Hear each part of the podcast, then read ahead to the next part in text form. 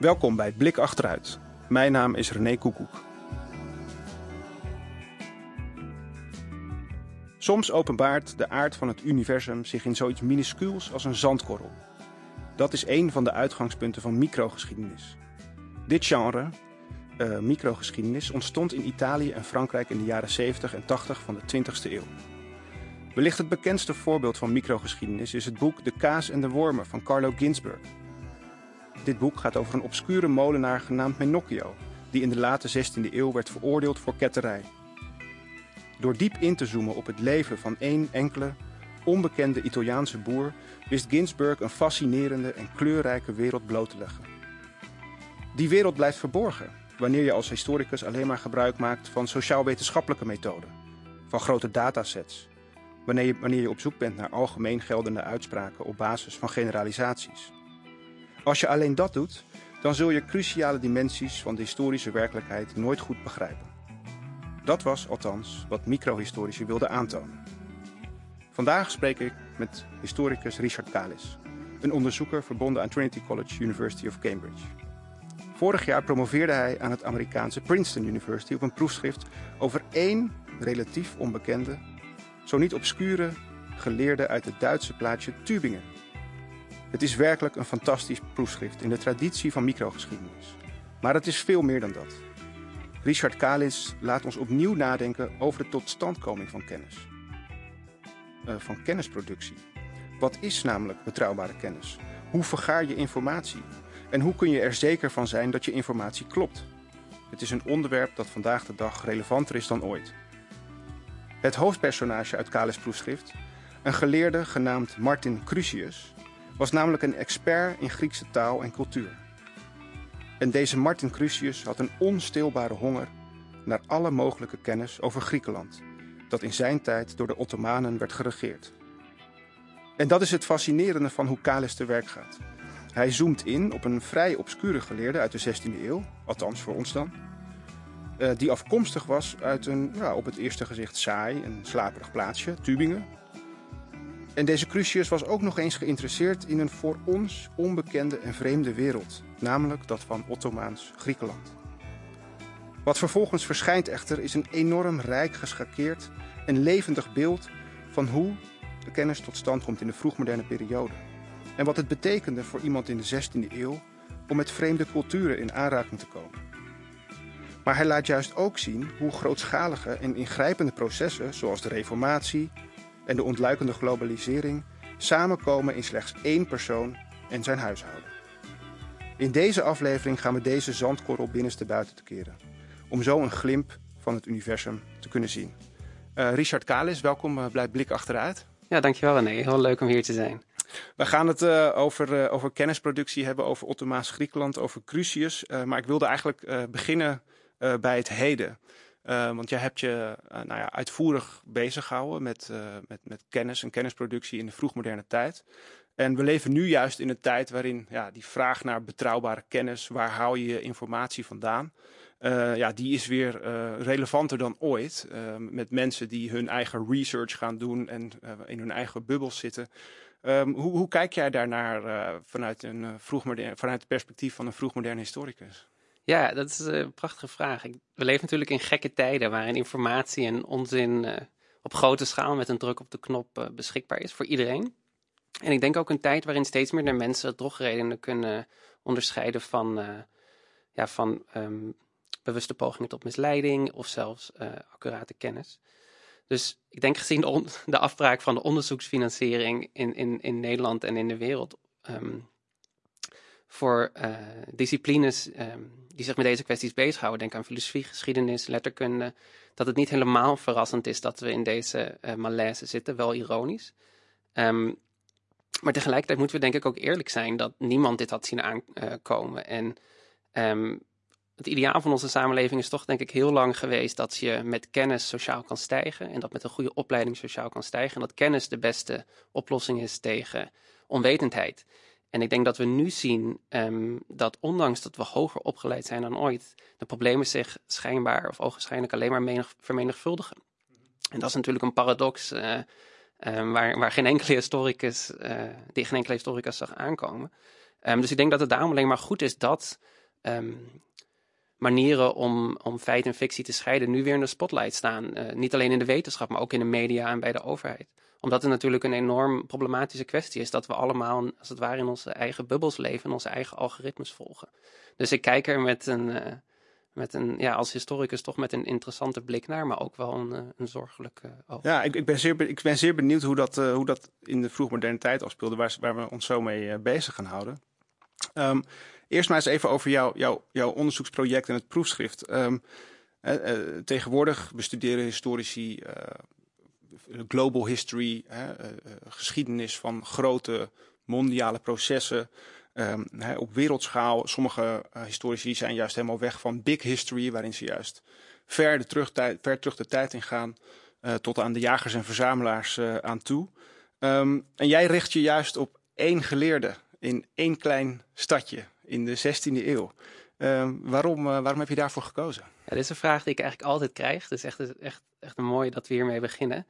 Eigenlijk komt het denk ik al voort uit het, um, dat ik altijd al een interesse heb gehad in, in primaire bronnen. Dus er zijn historici die vooral werken met grote vragen en theorieën en, vooral, en anderen die vooral bezighouden en vertrekken vanuit de bronnen. En ik ben, en duidelijk val ik in die tweede categorie. En toen ik naar mijn middelbare school klassieke talen begon te studeren, toen Um, wilde ik niet nog een keer een, uh, een, een zoveelste studie schrijven over een bepaald vers in een bepaalde Griekse of Latijnse dichter. Maar ik wilde eigenlijk nieuwe teksten ontdekken. En via een minor geschiedenis kwam ik in de vroegmoderne tijd terecht en werd ik geïntroduceerd tot de enorme hoeveelheid bronnen die er voor die tijd over waren. En ook bronnen die totaal nog nooit iemand had bekeken. En dat, dat sprak me heel erg aan. Dus toen ik begon te promoveren, was het al snel duidelijk dat ik me met boeken, handschriften en archiefstukken wilde bezighouden. En um, ik ben eigenlijk ook niet een fan van, van, van, van uh, theorie. Om theorie zomaar klakkeloos um, toe te uh, passen op een bepaalde casus. Ik vind het juist veel spannender om vanuit een casus te bedenken of onze theorieën, onze verhalen, de narratieven die we vertellen over het, vertellen over het verleden, of die nog wel kloppen. Dus op die reden kwam ik eigenlijk al snel bij, bij microgeschiedenis als een, als, een, uh, als een methode terecht. Maar het is eigenlijk, eigenlijk heel empirisch, zou je kunnen zeggen. Ja, absoluut. absoluut. Ook omdat uh, ik denk dat, um, zeker binnen de intellectuele geschiedenis, waar ik me natuurlijk mee bezig hou, is er al heel lang een neiging geweest om een verhaal van ideeën te vertellen. En ik ben iemand die verhalen over mensen wil vertellen. En juist dat menselijke aspect in de ideeëngeschiedenis uh, uh, ja, ontbreekt bij zoveel studies, nog steeds, maar wel, wel steeds minder. En, en toevalligerwijs kwam ik dus bij dit prachtige archief in Tübingen in Duitsland terecht. En gaandeweg kwam ik erachter dat je hier gewoon een prachtig verhaal mee kan vertellen. Dat duidelijk die menselijke kant van onze ideeëngeschiedenis kan belichten. Um, dus het is voor mij niet, uh, het is voor mij niet dat die niet zozeer dat big data of global history um, niet waardevolle uh, methodes zijn, maar juist dat we soms ook die andere kant op moeten gaan. En heel diep moeten graven in een, in een context om juist die grotere processen beter te belichten. Ja, en uh, je zou kunnen zeggen dat hè, wat jij doet begeeft zich ergens op het uh, snijvlak van wat wel kennisgeschiedenis wordt genoemd, of wetenschapsgeschiedenis, ook intellectuele geschiedenis. En vaak is het dan gegaan over de grote de grote wetenschappers. Hè? Dus uh, in de periode waarin jij werkt, laten we zeggen, mensen als Copernicus, Galilei, of uh, Erasmus.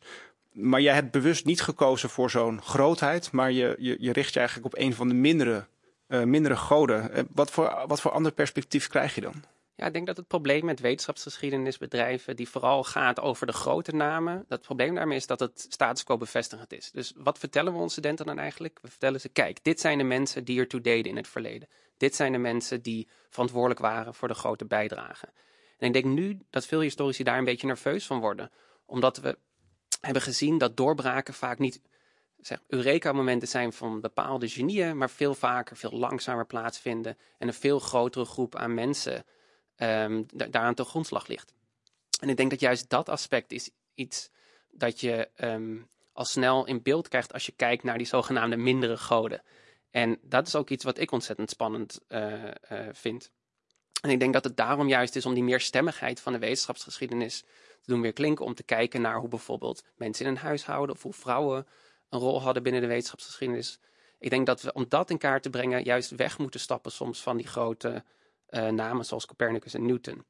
Dus het is eigenlijk een samensmelting van expertise uit verschillende gebieden. We hebben nu ook veel meer oog voor mensen die ehm, bijvoorbeeld timmer, timmermannen en, en allerlei andere handwerkslieden die tezamen met, met ehm, mensen die aan de universiteit hebben gestudeerd bepaalde uh, kennis uh, ja. voortbrengen. Dus, dus even voor mijn eigen begrip, wetenschapsgeschiedenis gaat over de, de ontwikkeling van bepaalde grote theorieën en de, het belang van centrale werken daarbinnen van een Newton of een Copernicus. Maar kennisgeschiedenis kijkt dus eigenlijk veel meer naar de soort van sociaal-culturele context waarin kennis ja, tot stand komt. Ja, in zekere zin is kennisgeschiedenis een nieuwe naam voor wetenschapsgeschiedenis. Dat zou je, zo zou je het ook kunnen zien. En want ik denk dat veel mensen in de wetenschapsgeschiedenis nu ook kijken naar uh, de mindere goden. En juist al die meerstemmigheid in, in, in kaart willen brengen. En sommige mensen zullen zelfs zeggen dat kennisgeschiedenis voortbouwt op inzichten in de wetenschapsgeschiedenis. Um, en en, en um, en als we nou eens naar, uh, naar uh, die, die Crucius toe gaan. We gaan het zo meteen over hemzelf mm hebben. Maar misschien eerst maar even, eh, ja, wat, wat voor grote uh, processen komen er uh, samen in jouw proefschrift over, over Crucius? Dus als je een soort van korte teaser zou kunnen geven van, ja, wat voor, ehm, ja, wat voor, in welke opzicht was hij een knooppunt voor veel ontwikkelingen? Ja, dat is, dat is een, een prachtige vraag. Dat zag ik ik zal een beetje uitleggen hoe ik ooit tot dit onderwerp was gekomen. Dus toen ik wilde promoveren, toen vertelde mijn promotor van waarom kijk je eens niet naar deze individu? Ik had nog nooit van hem gehoord. Ik had nog nooit van Tubingen gehoord. Ik had geen idee. Jij wist toch helemaal niet wie Crucius was? Niemand, nee, niks. Er was geen Wikipedia-pagina, uh, helemaal niks. Dus het was echt ook voor mij onontgonnen terrein. En toen ik eenmaal langzaamaan begon, begon, begon onderzoek begon te doen, toen, toen bleek al snel dat je juist de grote processen die we associëren met de vroegmoderne tijd, dus globalisering, de reformatie, dus religieuze oorlogen, um, massamigratie, dat die fenomenen toevalligerwijs allemaal samenkomen in deze individu. Dus je moet dan denken aan het Lutheranisme dat in de, na 1517 door Luther um, in gang wordt gezet. Um, dat kunnen we opnieuw belichten door naar Crucius te kijken, doordat het dat een veel grotere impact heeft. Dat de relatie met het, dat met het Midden-Oosten en de Middellandse Zee Um, zelfs in een plaatsje als Tübingen, dat, dat ten zuiden van Stuttgart ligt, zichtbaar is. En, en bijvoorbeeld ook dingen als globalisering. Dus hoe mensen uh, de ontwikkelingen die in het Midden-Oosten zich plaatsvinden, allerlei Grieken die gedwongen dan wel niet gedwongen op reis moeten, die toevalligerwijs in Tübingen aankomen. Um, dus je ziet dat er allerlei processen uh, door toeval, uh, dan, wel, dan wel bewust, zichtbaar zijn in deze individu, omdat hij simpelweg zoveel um, documentatie heeft achtergelaten. En dat, daar ligt denk ik ook het unieke van deze casus. Ja, nou, over die documentatie en hoe je, laat zeggen, bent, te werk bent gegaan. Want dat is denk ik ook een, een belangrijk onderdeel van, van, van, uh, van wat je doet. Uh, daar gaan we het zeker zo over hebben. Maar eer, eerst maar eens gewoon even, ja, wie, wie was Martin Crucius? Ja, ja dat is ja, goed om dat, even, om dat even helder te hebben. Nou, hij was dus um, hoogleraar Grieks aan de Universiteit van Tübingen. Hij was geboren in 1526 hij stierf in 1607. Na een lange carrière in Tübingen, hij heeft daar geloof ik ruim 40 jaar lesgegeven. Um, lesgegeven in het Grieks, Oud-Grieks.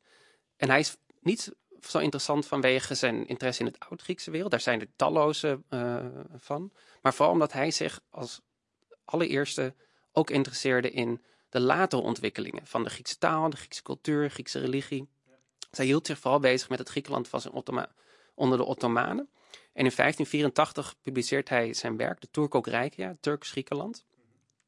En dat was de eerste en daarmee misschien ook wel de invloedrijkste werk op, uh, over, over vroegmoderne Griekenland. Um, en iedereen die ook maar iedereen was, iemand was in de, in de vroegmoderne tijd in Europa, kende Crucius hierom. Zij was alom bekend om dit werk. Ieder, het was veel gelezen. Um, dus wij mogen hem misschien vergeten zijn, maar in zijn eigen tijd was hij, had hij wel degelijk uh, een naam. Ja, zeker, zeker. En um, terwijl hij in Tübingen was, heeft hij dus een enorme, um, uh, enorm veel documentatie achtergelaten. Dus honderden brieven, honderden geannoteerde boeken, um, een, uh, een, testament, uh, aantekeningen, boeken, aantekeningen, schriftjes. Eigenlijk van alles en nog wat. En zelfs een, een negendelig dagboek van duizend pagina's, van elk duizend pagina's. En dat is vooral ja. waarin hij eigenlijk alles opschreef. Zowel um, zijn, zijn gedachten over de wereld, over religie, over kennis. Maar ook alles wat er in zijn huishouden uh, plaatsvond. En, en, dat is voor historici natuurlijk een goudmijn als, je zoiets, uh, als je zoiets stelt. En dat, dat wist je dus van tevoren ook niet? Niet helemaal, nee. Het was wel een soort van bekend. Er zijn wel een aantal kleine artikelen verschenen over Crucius. En het dagboek is ook voor een deel al uitgegeven. En daarin werd ook wel gezegd dat dit een mooie bron is voor cultuurhistorici. Maar verder had niemand zich daar ooit op gestort. Er is één catalogus voorhanden en dat is het. Dus het was, het was absoluut onontgonnen terrein. Hey, en als we nou eens een klein beetje zijn, uh, zijn, zijn, zijn wereld proberen te reconstrueren. Wat, wat, wat moet ik me voorstellen bij, bij Tübingen in de 16e eeuw? En het is dus een universiteitsstadje, begrijp ja. ik? Ja, um, het was eigenlijk de universiteitsstad van Württemberg, um, deelstaat Württemberg. In de 16e eeuw, het had eigenlijk net als alle universiteiten in die tijd, had het een theologische faculteit, een medische faculteit en een faculteit voor wat we nu de geesteswetenschappen zouden noemen. Um, in dat opzicht was het meer dan een slapend stadje, maar uh, het was zeker gewoon eigenlijk een, een doodnormale universiteitsstad. Studenten woonden, bij hun prof, woonden bij, in bij hun, uh, bij hun professoren. Oh, dat, waren, dat waren nog eens tijden. Dat waren nog eens tijden, inderdaad. en ze woonden hoorcolleges bij en, en colleges die wij nu als tutorials zouden bestempelen. Um, veel studenten waren van goede kom af en wilden nog wel eens uh, voor overlast zorgen in de stad. Dus eigenlijk is het heel vergelijkbaar met nu. Um, en verder was het in de middeleeuwen een belangrijke handelsstad geweest. En daardoor kon ook überhaupt er een universiteit in opbloeien. En die universiteit was wel in één opzicht bijzonder, is dat het, um, je zou kunnen zeggen, in de 16e eeuw misschien wel de belangrijkste Lutherse universiteit was van Duitsland. We associëren de reformatie altijd met, met uh, Wittenberg, waar, waar, waar Luther uh, zijn... Zijn thesis op de, op de kerkdeuren um, spijkerde. Maar in, aan het einde van de 16e eeuw, in 1570, 1580, is Tübingen veel belangrijker. Dat komt onder andere doordat er een Tübinger Stift is. En dat is een soort seminarium waar ook Hegel en, en Kepler hebben gestudeerd. En dat seminarium was bedoeld om als het ware een nieuw arsenaal aan, aan, aan Lutherse theologen en Lutherse priesters uh, op te leiden. Die vervolgens weer um, de, de, Lutherse beweging ja. uh, konden verspreiden in Duitsland. En, um, en uh, hij was dus een, een, hoogleraar Griekse taal en nou ja, cultuur. hij gaf dus ook colleges. Absoluut. Um, een van de favoriete onderwerpen in zijn dagboek is klagen over de werkdruk. Over het vele nakijken dat hij moet doen. Van alle tijden. Van alle tijden. En hij was ook ontzettend uh, populair. Dus zijn Homerus colleges waren zo populair dat de universiteit op een gegeven moment een tussenmuur van de collegezaal moest doorbreken om alle geïnteresseerde studenten te kunnen accommoderen. Dus in dat opzicht uh, ja, was hij een gepassioneerde, gepassioneerd verteller. Ja. En um, um, hij was dus helemaal uh, weg van Griekse taal, poëzie. Um, in onze tijd ja, kennen mensen het oude Griekenland natuurlijk ook nog wel. van de Griekse mythologie, van tragedies. Uh, uh, van de Atheense democratie uiteraard, van de filosofen.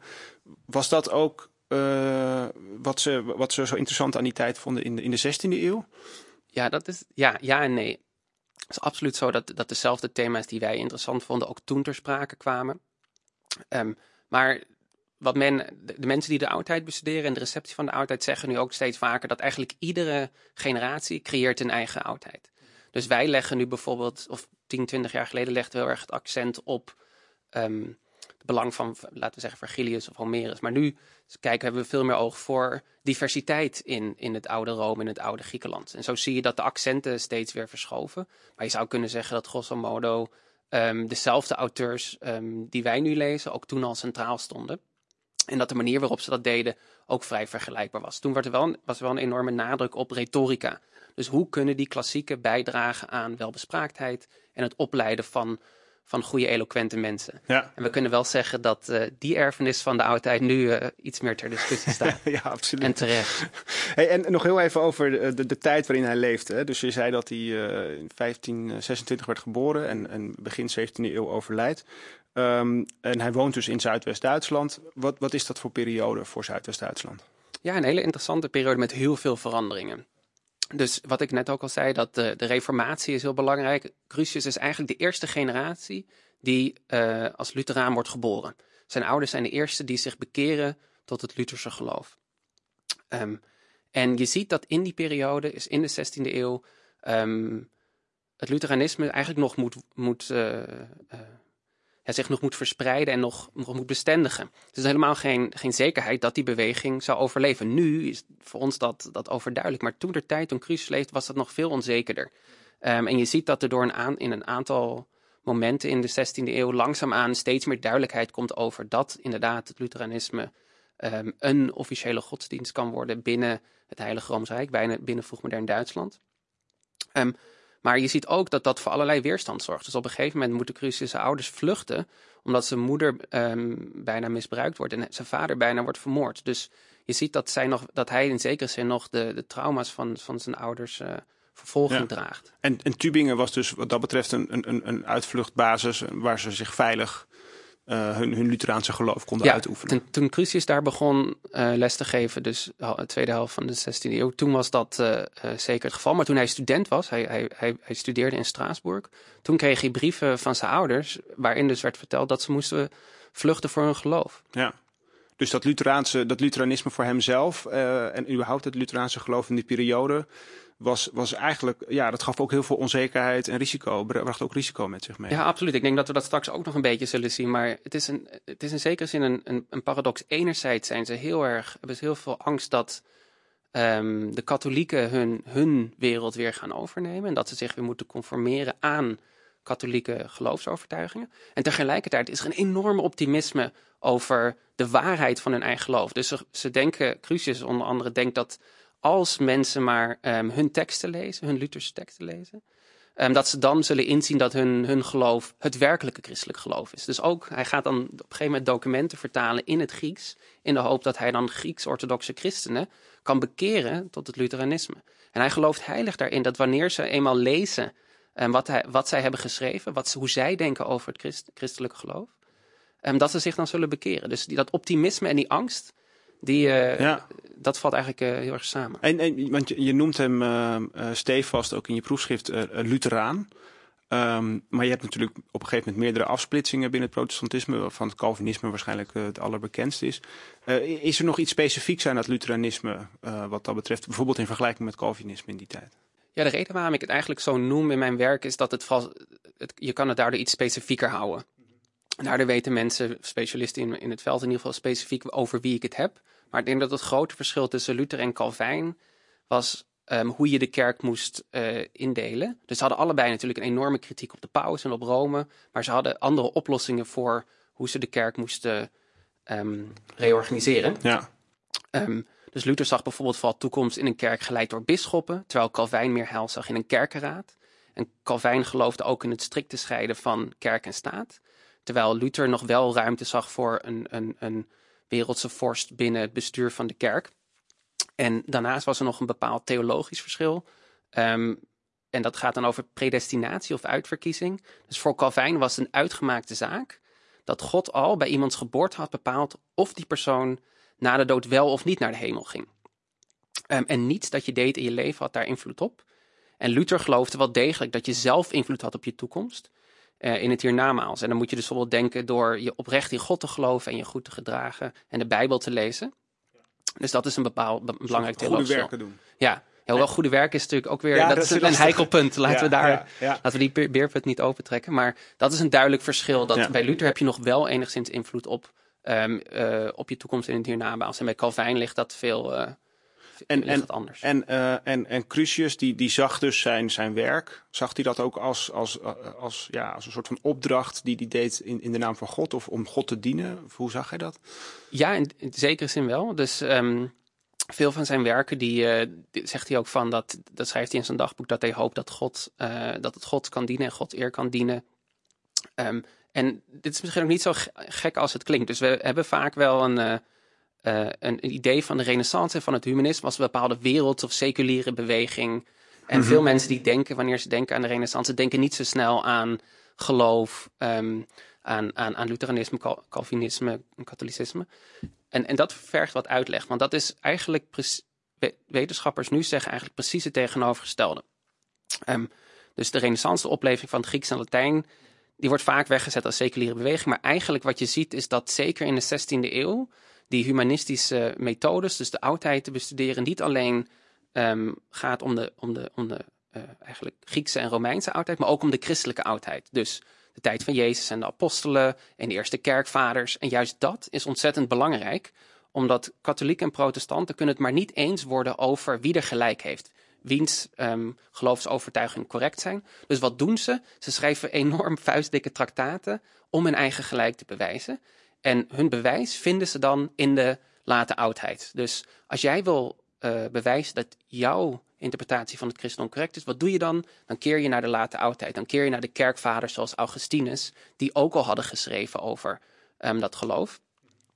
En op die manier zie je dat um, interesse in de laat-christelijke oudheid um, ontploft in de 16e en 17e eeuw. En dat is ook het verhaal van de renaissance. Maar dat is niet het verhaal dat we zo snel vertellen. Ja. Uh, zelfs niet op de universiteit. En ja, dat ja, vergt nog wel uh, wat correctie. Nee, maar dat vind ik wel fascinerend. Want ik zat inderdaad ook na te denken over van ja, die, die interesse in de oudheid, in de mediterrane wereld. In het, uh, nou ja, het, het, oude Griekenland, maar ook het, het oude Rome. dat, dat associeer ik inderdaad vooral met de renaissance, met Petrarca, met Machiavelli en, en nou ja, goed, en dan ook in, in Nederland met, met Erasmus, hoewel die natuurlijk ook maar in beperkte zin een Nederlander was. Maar niet zozeer inderdaad met diepgelovige uh, Lutheranen. Nou, het is grappig dat je zowel Erasmus als Petrarca noemt. Want Petrarca um, die schrijft uh, een brief, een, een traktaat, Secretum, waarin hij Augustinus, die kerkvader die ik zojuist noemde, opvoert om um, na te denken, om zijn, eigenlijk zijn eigen geloof te onderzoeken. En om zijn interesses in de klassieke oudheid um, uh, in overeenstemming te brengen met zijn eigen geloof. Zijn beroemdste brief, Petrarch's beroemdste brief, de, beklimming van de mond van toe, is, werd al heel snel gezien als een allegorie van het christelijke leven. Erasmus, die, schreef, die werd, was vooral bekend in zijn tijd om zijn editie van het Nieuwe Testament.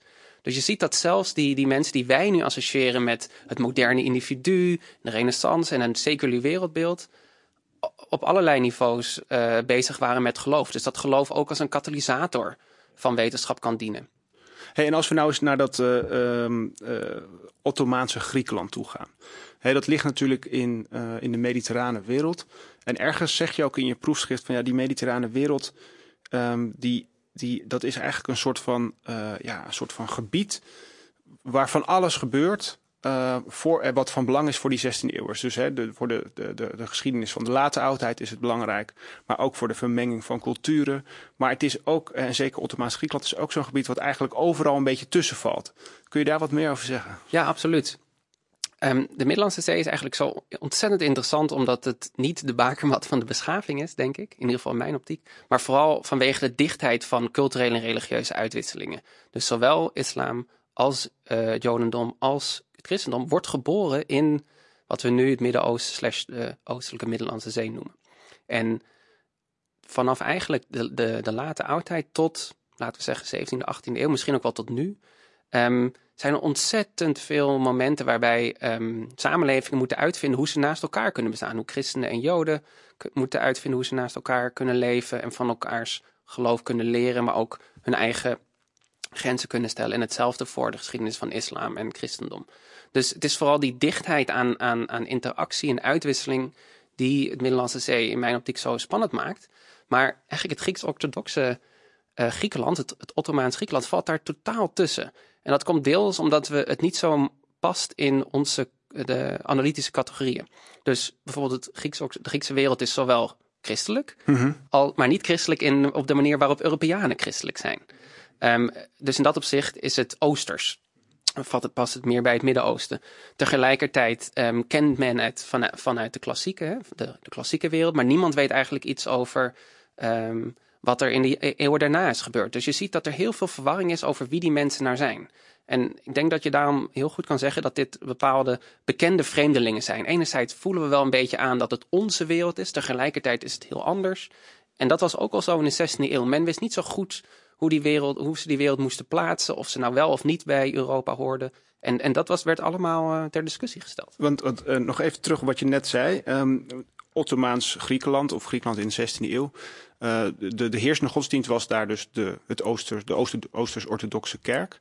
Uh, kun je nog heel even, even kort uh, toelichten hoe zat het ook weer met die Oosters-Orthodoxe kerk in Griekenland? Ja, ja hier begeef ik me een beetje op glad ijs. Maar um, nou, ten eerste denk ik om aan te geven is dus in, uh, op een gegeven moment in de 14e eeuw um, komen de Ottomanen, een, een volk uit Centraal-Azië, naar uh, het Midden-Oosten en naar het Middellandse Zeegebied. En weten ze een groot deel van het Byzantijnse Rijk over te nemen. Ja. En op dat moment wordt uh, het Grieks-orthodoxe volk wordt een minderheid binnen het Ottomaanse Rijk. En ze mochten nog gewoon hun geloof uitoefenen.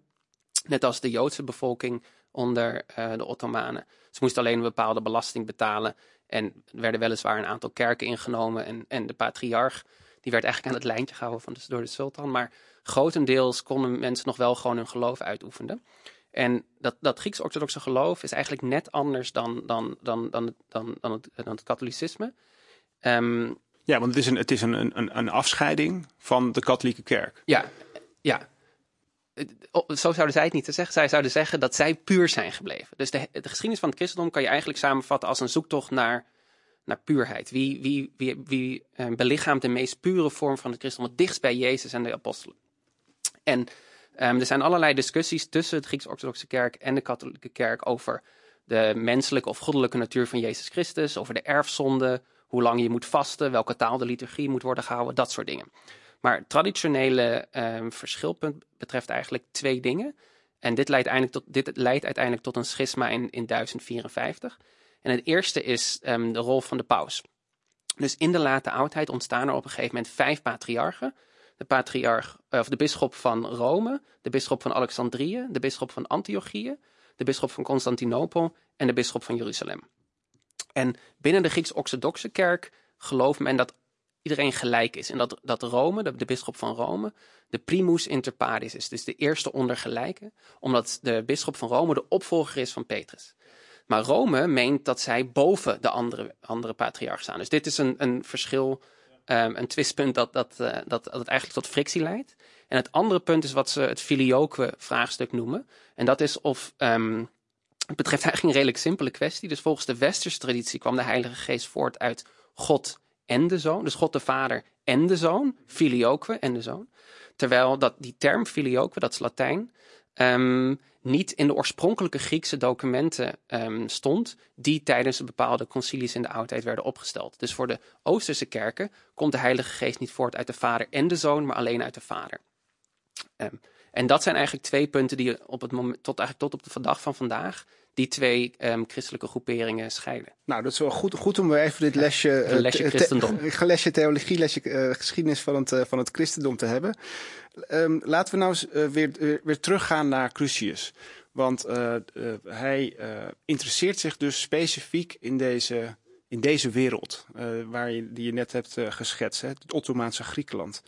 Um, wa wa waarom is hij daar zo gefascineerd door? Ja, dat vroeg ik mij aan het begin ook wel eens af. En in zekere zin kunnen we ons afvragen in hoeverre kun je zo'n obsessie überhaupt verklaren. Maar een belangrijk punt is, en, en dit brengt ons ook weer terug naar dat geloof, we ontkomen er vandaag niet aan, is dat um, dus protestante katholieken zijn het niet eens over um, um, hoe de meest correcte christelijke, het meest, het meest pure christelijke leven eruit ziet. En daarvoor zijn ze dus zo geïnteresseerd in die, in die in die kerkvaders en in het leven van Jezus Christus. Maar waar ze ook ontzettend geïnteresseerd in raken, is die Oosterse kerk. Waarom? Omdat de Oosterse kerk in die tijd bekend staat als een eeuwenoud instituut dat die puurheid zou belichamen. Dus ze zouden niet gecorrumpeerd zijn door alle vernieuwingen die Luther bijvoorbeeld bekritiseerde in het katholicisme. Dus onder protestanten, onder protestanten een enorme hoop dat die Grieks-orthodoxe kerk dichter bij de oorspronkelijke kerk staat um, dan het katholicisme. En wat claimen protestanten nou? Zij claimen dat zij um, eigenlijk alle vernieuwingen die in de middeleeuwen door, de, door Rome uh, zijn geïntroduceerd, al die vernieuwingen, die hebben zij uh, in de band gedaan. Dus zij gaan weer terug naar dat pure geloof, dat oude geloof, geen, uh, geen fratsen. Dus de hoop is dat ze samen uh, een soort verbond kunnen sluiten of ja, zo tegen de katholieken. Ja, een verbond kunnen sluiten. Maar vooral blijkt dat voor Christus belangrijk is dat die Grieken erkennen dat hun beweging, het Lutheranisme, correct is. Dus dat zij, hè, door, het, door zich af te scheiden van, van, van Rome, um, dichter bij de oorspronkelijke kerk staan. Nou, je kan je voorstellen dat dat niet het geval is. Maar dat is dus, dat is dus die hoop. En daarom is Crucius onder andere ook zo geïnteresseerd in, in, in dat Ottomaanse Griekenland. Dus enerzijds heb je zijn interesse als, als professor Grieks. Hij wil weten hoe die Griekse taal zich heeft ontwikkeld, die Griekse cultuur, et cetera. Wat er met Athene is gebeurd. Athene, de, zeg maar, de stad van kennis uit de oudheid hoe die, zich heeft ontwikkeld. En tegelijkertijd zie je dat een hele be, um, belangrijke religieuze motivatie heeft om, om die kennis te vergaren. Ja, ja. en uh, als we nou eens uh, dan naar Crucius zelf toe gaan. Um, je vertelde net al dat hij dus eigenlijk heel veel documentatie heeft achterla achtergelaten. Um, en uh, bijvoorbeeld de testamenten, geannoteerde boeken, maar ook dus een enorm dagboek. Uh, zoals je dat net omschreef. Wat, wat, moet ik me daarbij voorstellen bij zo'n enorm dagboek? Ja, een dagboek eigenlijk. Maar echt, echt, maar echt, echt uh, een, een, daadwerkelijk een boek van duizenden pagina's met allemaal vol, volgekladderd ja, met... Negen delen. Uh, van, negen delen? Negen delen van ongeveer duizend pagina's, elk duizend pagina's. Dus het is echt heel lang. En hij houdt het bij voor bijna de laatste 40, 50 jaar van zijn leven. En, en wat vind je daar zo al in? Van alles. Dus het begint vooral eerst als een brievenboek. Dus heel veel vroegmoderne geleerden houden hun correspondentie bij. En dat deden ze door onder andere afschriften te maken van de brieven die ze verzonden naar, naar hun uh, collega's, maar ook degene die binnenkwamen. Dus je ziet dat aan het begin hij vooral een uh, correspondentie bijhoudt tussen hem en de Grieks-Orthodoxe patriarch. Dus vanuit deze interesse om um, zijn eigen religieuze principes te bewijzen, besluit hij op een gegeven moment uh, met andere theologen uit Tübingen om een brief te schrijven aan de Grieks-Orthodoxe patriarch in de hoop dat ze uh, een soort common ground kunnen vinden. Maar hij, hij, hij, stuurde dus een brief met het idee van ik ga even die patriarch proberen te bekeren tot ja. het Lutheranisme. Daar kwam het op neer. Ja, ja. ja, dat klinkt verbazingwekkend. En het, je zou denken, dit kan niet waar zijn. Maar dat is echt gebeurd. En dat leidt uiteindelijk tot een correspondentie die bijna tien jaar duurt. En waarin meerdere brieven uh, tussen Tübingen en Istanbul worden, uh, heen en weer worden gezonden. Maar ze, namen hem dus, uh, Crucius, namen ze dus ook serieus. Ja, en, en Crucius is hier wel misschien in naam iets minder aanwezig. Uh, hij was degene die alle teksten vertaalde in het Grieks, maar um, het werd in naam gedaan van de, de theologen uit deze tijd. Dus de beroemde Lutherse the Lutheraanse theologen die aan de Universiteit van Tübingen les gaven. En die, uh, maar ze namen ze zeker serieus. En dat, dat is voor hen zelf ook, een, dat zien zij, optimistisch als ze zijn, als een bepaalde vorm van erkenning erkenning van hun beweging, erkenning van, uh, van hun geloof. Mm -hmm. En, en um, uh, de Crucius die wil dus, hè, zoals je ook in je proefschrift schrijft, hij wil dus alles te weten komen over die uh, Ottomaans-Griekse wereld. Um, hoe, hoe ging hij te werk? Hoe, hoe, hoe, hoe kon hij achter zoveel ja, informatie en informatiebronnen komen? Ja, en dit, dit brengt ons eigenlijk ook weer terug op dat dagboek, want daar staat het dus allemaal in vermeld. Nou, hij, hij weet eigenlijk verschillende kanalen te creëren. Dus enerzijds hè, um, schrijft hij, uh, hoe waanzinnig dat ook klinkt, brieven aan de Grieks-Orthodoxe patriarch. Hij, onderhand, hij onderhoudt een correspondentie met bepaalde um, theologen in, in Istanbul, dus Grieks-Orthodoxe theologen. En die brieven geven hem een schat aan informatie over het geloof. Daarnaast verzamelt hij boeken. Um, boeken over het, uh, uh, de late oudheid, dus over het christendom in de vierde, vijfde, zesde eeuw. Boeken over de Byzantijnse tijd, dus de periode 600 tot 1400. Um, hij, hij, hij, weet zelfs um, Grieks, boeken in de Griekse volkstaal te verzamelen via contacten in, in, in Venetië. Dus je hebt, ziet dat hij boeken heeft, hij correspondenties, hij houdt het nieuws bij. Dus hij weet al, altijd, hij, heeft eigenlijk is een regular subscriber naar een, bij, ja, bij een nieuwsoutlet. En dan hoort hij dus allerlei informatie, niet alleen over het Ottomaanse Rijk, maar ook over um, de zogenaamde ontdekking van de nieuwe wereld. En dat, en dat noteert hij dus allemaal in ja. zijn boeken en ja. in zijn dagboek? Absoluut, ja. Oké, okay, en, en, en, gewoon even benieuwd. Uh, dus jij hebt uh, heel veel uh, Grieks, handschrift, hand, Griekse handschriften moeten lezen. Ja, te veel zou je wel kunnen zeggen, ja. nog meer talen die, die, die, die je langs zag komen in zijn ja, dit is wel misschien een van de meest frustrerende aspecten van mijn eigen onderzoek. Dus toen ik eenmaal naar Tübingen, uh, in Tübingen was de eerste keer, toen, toen, toen pas realiseerde ik me wat een enorme klus dit ging worden. Want ja, ik, ik kan niet claimen dat ik alles heb gelezen, uiteraard. Um, zeker niet omdat uh, het, dagboek is in het Grieks, Latijn en Duits. Soms dan verandert hij midden in de zin van taal. Um, bepaalde correspondentie onderhoudt hij in het Italiaans. Um, hij leert Hebreeuws, hij leert Frans, hij leert uh, Duits. Dus en dat komt allemaal terug in zijn dagboek. Ja, ja. En heb jij zelf daar ook nog uh, hulp voorbij moeten inroepen af en toe, als je er niet uitkwam? Nou, ik zal je zeggen, de allereerste keer dat ik het archief inkwam, toen kon ik het handschrift niet lezen. Dus een van de moeilijke taken van mensen die vroegmoderne kennisgeschiedenis bestuderen, is dat eigenlijk iedere auteur heeft een eigen hand. En uh, je moet eigenlijk eerst dat handschrift weten te ontrafelen voordat je überhaupt iets over de inhoud kan zeggen. En het duurde wel, um, wel zeg maar een goede twee, drie weken voordat ik dat onder de knie had. En toen begon langzaamaan begon, uh, uh, begon het ja, in elkaar te vallen. En, en gelukkig was er ook een, een, een catalogus voorhanden. Dus iemand heeft een tien of twintig jaar geleden um, een catalogus van alle werken in Tübingen van Crucius um, gemaakt. En dat was voor mij echt een leidraad. Anders had ik nooit de vragen kunnen stellen die ik uiteindelijk wilde stellen. Hey, en hoe, hoe ging hij, hij was dus een soort van veelvraat van, van informatie. Maar hè, zoals je al zei, informatie die, die hij via verschillende kanalen verkreeg. Uh, correspondentie, uh, boeken, et cetera, nieuws. Um, had hij manieren om, om, zijn, om zijn informatie te verifiëren? hoe keek hij aan tegen van is deze kennis betrouwbaar of niet? Hoe ging hij zo, zo te werk? Ja, absoluut. Hij had allerlei, allerlei criteria.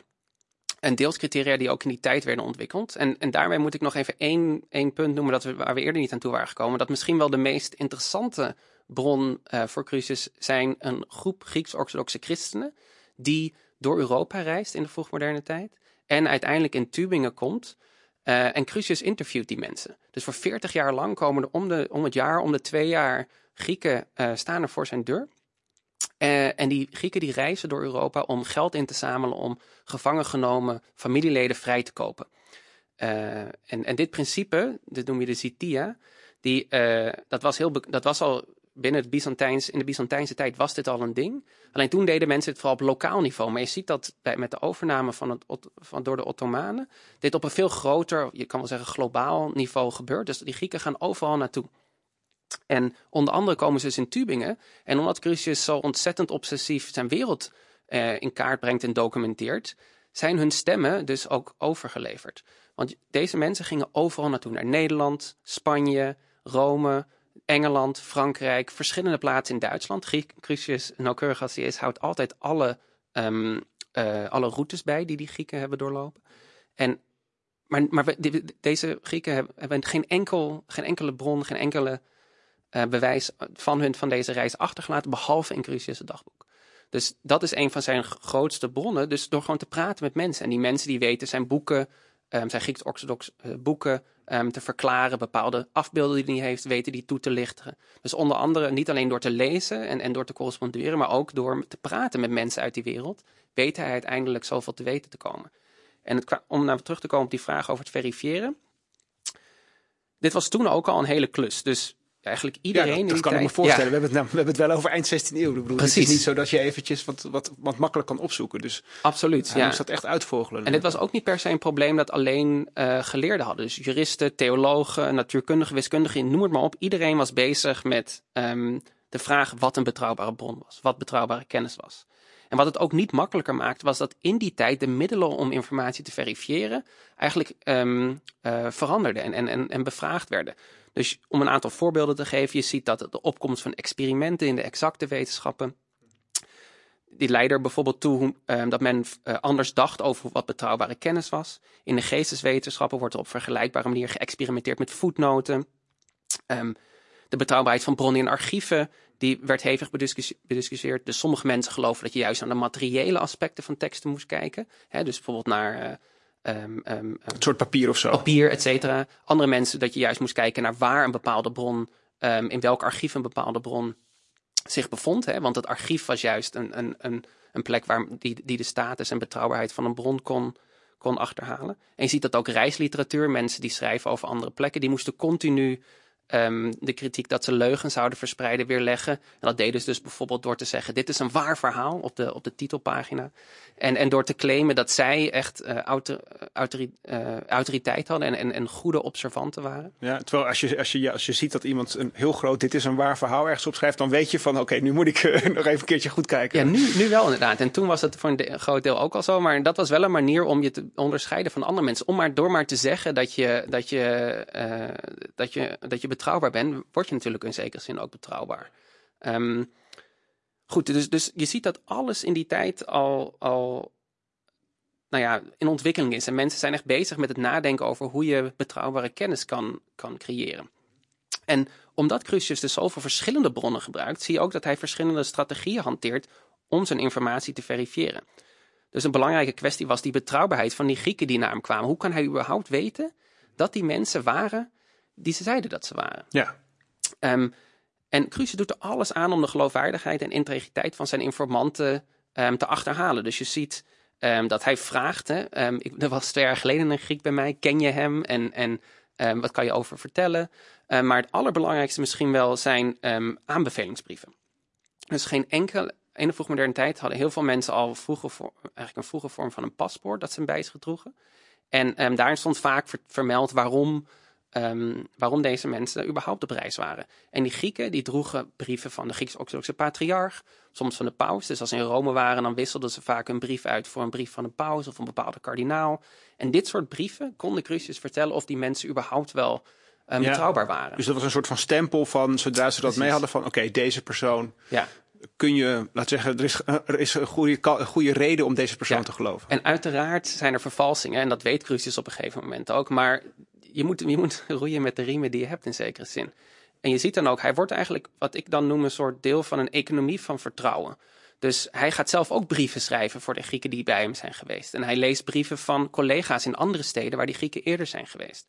En dit is heel vergelijkbaar met hoe mensen uh, nu schrijven over hoe kennis in die tijd überhaupt um, waar was. Dus Steven Shapin heeft in een beroemd boek, The Social History of Truth, mm -hmm, ja. Geschreven dat uh, kennis um, vooral het uh, product is van consensus. Van um, geleerde mannen van afkomst die bepalen dat een, bepaalde, uh, een bepaald experiment of een bepaalde bron betrouwbaar is. Dus hun idealen van integriteit en eer, die zie je uiteindelijk terugkomen in, in kennisproductie. En hetzelfde werkt hetzelfde dezelfde manier werken die, die, werken die, die aanbevelingsbrieven. Dus wanneer jij een brief krijgt van iemand die jij vertrouwt, en die brief vertelt jou dat de persoon over wie die brief gaat ook te vertrouwen is, nou ja, en, en zo gaat het dan maar verder. Ja, ik, ik, zit, ook, ik zit ook te denken met een, uh, in mijn achterhoofd aan, uh, aan, aan, aan, aan, aan, de, aan, de, tijd waarin we nu leven, waarin ook continu de vraag rijst, zeker als je op, op internet rond aan het eh, zoeken bent van, ja, is deze website wel betrouwbaar? Wie is de bron van dit artikel over corona? Um, um, uh, zijn er andere mensen die uh, hun stempel erop zetten of het betrouwbaar is? Ik bedoel, in, in dat opzicht zijn die kenniscriteria ook weer niet zo vreemd. Nee, absoluut niet. En het, bizarre hier natuurlijk is, is dat het ook steeds moeilijker wordt, ook voor experts, om dat onderscheid te maken. Want mensen die uh, uh, vervalsen, zijn ook steeds beter in het vervalsen van informatie. Uh, de, de, de, zeg maar de e-mails dat je een miljoen hebt gewonnen en dat je nu absoluut op deze link moet klikken, die worden steeds overtuigender. En in dat opzicht denk ik dat we echt gebaat zijn bij, bij, bij meer, meer onderzoek naar dit onderwerp, meer um, ja, leidraad over hoe je met dit soort problemen moet omgaan. Ja, nou, ik, ik, ik hoor hier een, een, een, belangrijk argument voor de studie van de geesteswetenschappen. Hey, um, Daar ik ben ik altijd al voor. ik wil even naar, um, naar, de volgende, naar het volgende, want ik, wat ik zo gek vind, ik, ik vind het uh, uh, raast interessant hoe hij al die mensen dus uh, in zijn huis krijgt. Hè? Dus die, die rondreizende Grieken die hem van informatie voorzien. Um, en ook dat hij zo'n passie heeft voor, uh, voor het Griekenland van zijn tijd. Um, maar op een gegeven moment schrijf je in je proefschrift van ja, um, hij is er eigenlijk zelf nooit geweest. En dat vind ik toch wel opzienbarend. want je zou toch zeggen van iemand die zo, hè, die, die zoveel, uh, uh, zoveel mogelijk kennis wil opslorpen als mogelijk, die gaat toch gewoon naar Griekenland toe, gaat daar rondlopen, gaat ruiken, proeven, praten met, met, met iedereen. maar hij is uiteindelijk in Tübingen gebleven. Ja, dat, je zou hoe, zeggen. Hoe verklaar je dat? Ja, dat is, eigenlijk is de oplossing daarvoor heel makkelijk. Dus wij zijn heel erg uh, gewend om ergens naartoe te gaan. En, en zeker in de vroegmoderne tijd waren ook talloze reizigers die verschillende plekken in het Ottomaanse Rijk bezochten. Maar eigenlijk was het helemaal niet zo normaal om te reizen in die tijd. Het was heel gevaarlijk, het was heel duur. Um, en Crucius had een gezin. Uh, hij moest lesgeven op de universiteit. Dus hij kon eigenlijk niet, uh, niet afreizen naar, naar, naar, naar, naar, naar het Ottomaanse Rijk. Hij moest wel in Tübingen blijven. Um, toen hij jong was, had hij op een gegeven moment nog bijles gegeven aan twee uh, uh, welgestelde heren. En het plan was om op een grand tour te gaan naar Italië. En Crucius was al wekenlang bezig met het voorbereiden van deze reis. En uiteindelijk werd hij maar uitgesteld en uitgesteld. En toen kwam uh, Crucius' vader te overlijden en moest hij voor zijn moeder zorgen. En accepteerde hij een baan in Memmingen. En sindsdien is hij eigenlijk, heeft hij Duitsland nooit verlaten. Dus het zijn eigenlijk gewoon weer de, de hoe zeg je dat, de, de, de, dingen die horen bij de, de, levensloop die hem ervan weerhielden om, uh, om, om echt na, daar naartoe af te reizen. Ja, en ik denk dat dit soort aspecten ook zo interessant zijn om, uh, om, om, om te bestuderen als wetenschapshistorici of, of historici van kenniscultuur. Omdat dit zijn juist die aspecten die ook een belangrijke rol uh, spelen binnen hoe kennis tot stand komt. Um, je kan je niet ontsnappen. Deze mensen zijn, zijn mensen van vlees en bloed. En pas wanneer je dat erkent, kunnen we denk ik ook een goed beeld krijgen van hoe kennis überhaupt tot stand komt, hoe het zich ontwikkelt, in welke contexten en wie er bij betrokken zijn. Maar kunnen we, kunnen we daar nog wat dieper op ingaan? Want op een gegeven moment uh, zeg je ook van ja, eigenlijk uh, wat uh, in, in kennisgeschiedenis, wetenschapsgeschiedenis vaak niet meegenomen wordt, is, is de plaats van het huishouden. dus je ruimt op een gegeven moment een, een, een, stuk van je proefschrift in om, om te praten over ja, zijn huishouden, zijn, zijn vrouw, zijn kinderen, uh, de plek waar die woonde, hoe dat eruit zag, hoe dat functioneerde. Um, wat voor rol dat ook speelde bij het ontvangen van gasten. Uh, waarom is dat huishouden zo belangrijk uh, in jouw, jouw ogen? Ja, deels van de reden dat ik die dan, wat ik net noemde, dat, dat het is gewoon.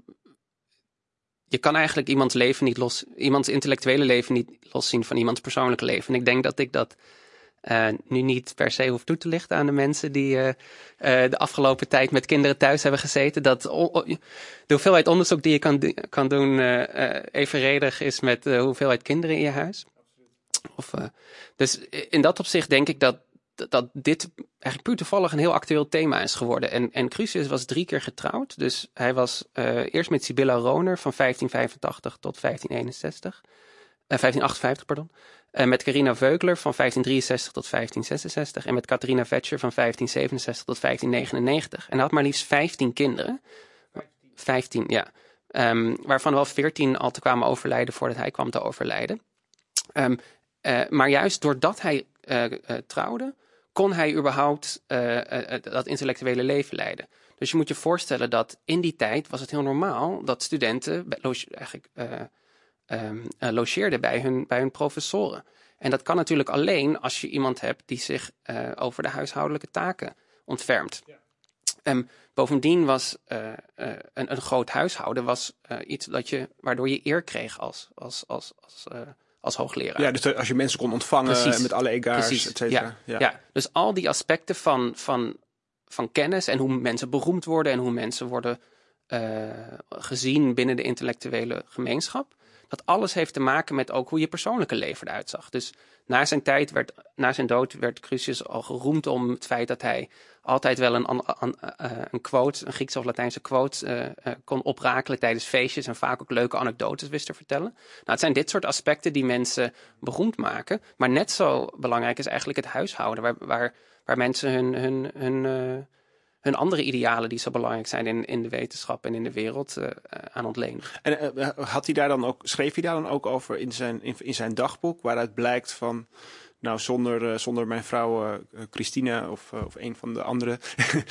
was, was me dit nooit gelukt? Of, of heb je snippets van informatie daarover kunnen ontdekken? Ja, absoluut. Hij schrijft eigenlijk alles op. Um, onder andere dat ze kippen hebben en, en wat voor andere dieren die er in het huishouden rondlopen. Dat ze samen naar de tuin gaan om de bomen te snoeien. Echt het meest ja, het zijn allemaal dingen die je niet zo goed kan voorstellen en wie niet associëren met intellectuele geschiedenis, maar alles wordt in dat dagboek opgeschreven. En het punt dat ik vooral probeer te maken is dat um, Crucius staat, het enige wat we een beetje weten over Crucius is dat hij die Grieken ontving.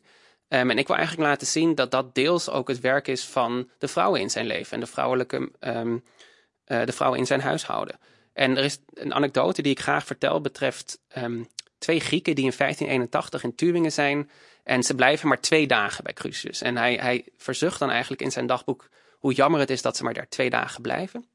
Maar tegelijkertijd zegt hij, nou het is misschien ook maar beter zo, want mijn vrouw heeft al heel veel was uh, om te doen.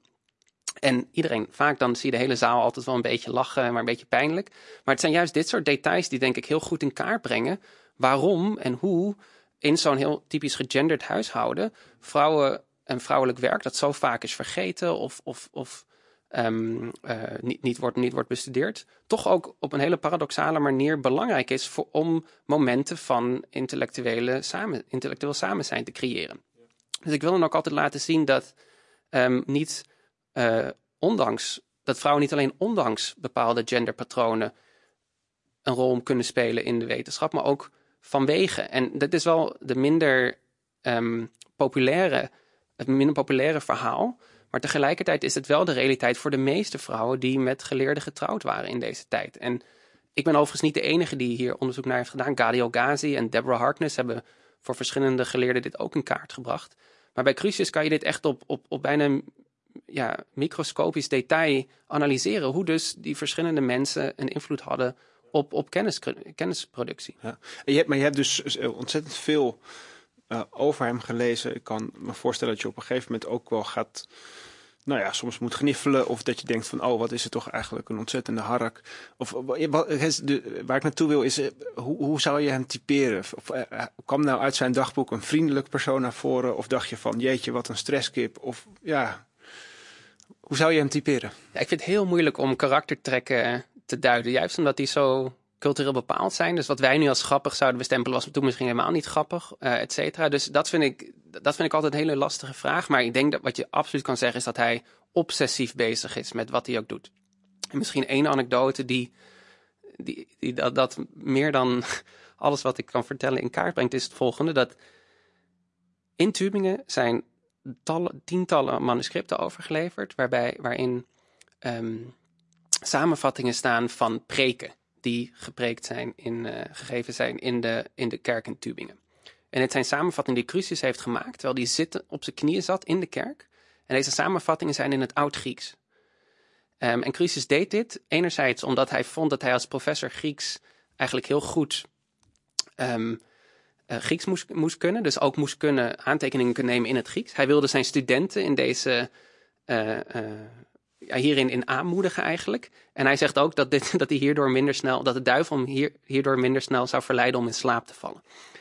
En, maar het feit dat hij dit in het oud Grieks doet, zegt denk ik wel iets over hoe obsessief deze man bezig is met zijn geloof. Want hij, hij gelooft dan, hij hoopt dan vervolgens dat wanneer hij deze samenvattingen uitgeeft, want die zijn op een gegeven moment uitgegeven, dat in het oud Grieks dus, dat een kopie hiervan naar Denemarken kan worden gestuurd, dan van Denemarken naar Rusland, kan worden gestuurd. En dat er in Rusland is er altijd wel een Grieks-orthodoxe uh, uh, christen te vinden. Dat die het dan mee kan nemen naar Istanbul. En dat daar het kan worden vertaald in het, um, in het uh, Nieuw-Grieks. En dat op die manier kennis over het Lutheranisme verspreid kan worden in de, in, in de Middellandse Zee. Ja, ja dus hij, hij wilde wat dat betreft ook zenden. Absoluut, ja, een enorme zendingsdrang. Dus wij, dat idee van, van zending en, en, en missionarissen, dat, dat associëren wij vaak met de katholieke wereld en voor de protestantse wereld met 18e en 19e eeuw. Maar dat is al in, in, in de tweede helft van de 16e eeuw zowel al aan de gang. En dan zie je dat bij de Lutheranen en later zie je dat ook bij Calvinisten en Anglikanen in, in de 17e eeuw. Maar die, die obsessie, dat typeert hem denk ik uh, heel erg.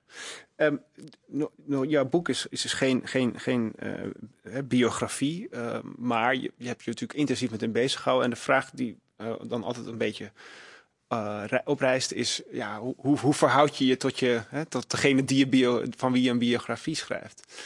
Um, kijk je, ben je echt door zijn ogen naar de wereld gaan kijken? Ging je op een gegeven moment met hem identificeren? Of, of, of lijk je op hem?